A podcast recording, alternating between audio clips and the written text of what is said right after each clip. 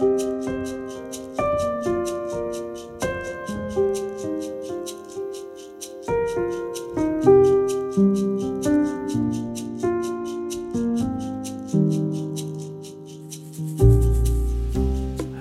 du lytter til Spires pod, og navnet mitt er Vidar Mæland Bakke.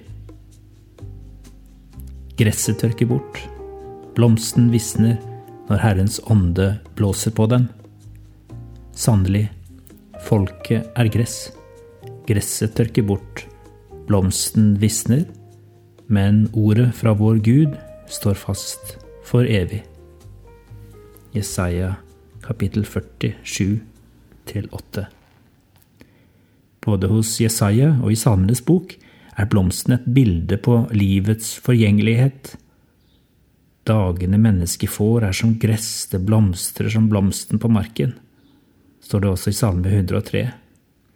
Gud er både den som gir livet, og den som tar det tilbake. Hva skulle da være evig? Etter oppstandelsen står det at Jesus åndet på disiplene. Det er et mektig uttrykk for at oppstandelseskraften tilbyr noe helt nytt til oss forgjengelige mennesker. Så er ordet evig, og det kommer med en kraft som kan vekke det døde til liv igjen.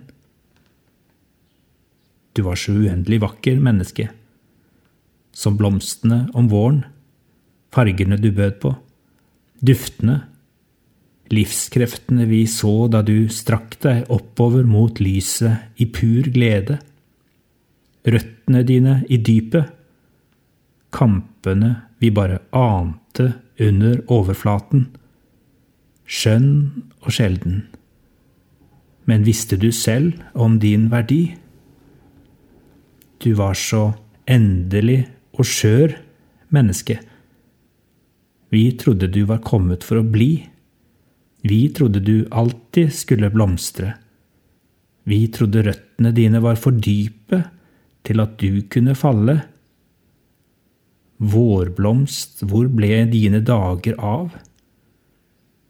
Skjør og forbigående, visste du selv om din forgjengelighet?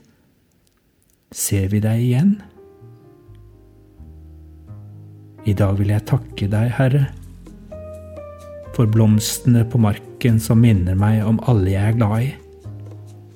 Jeg takker deg for livet her og nå, og for håpet om en krans som aldri visner.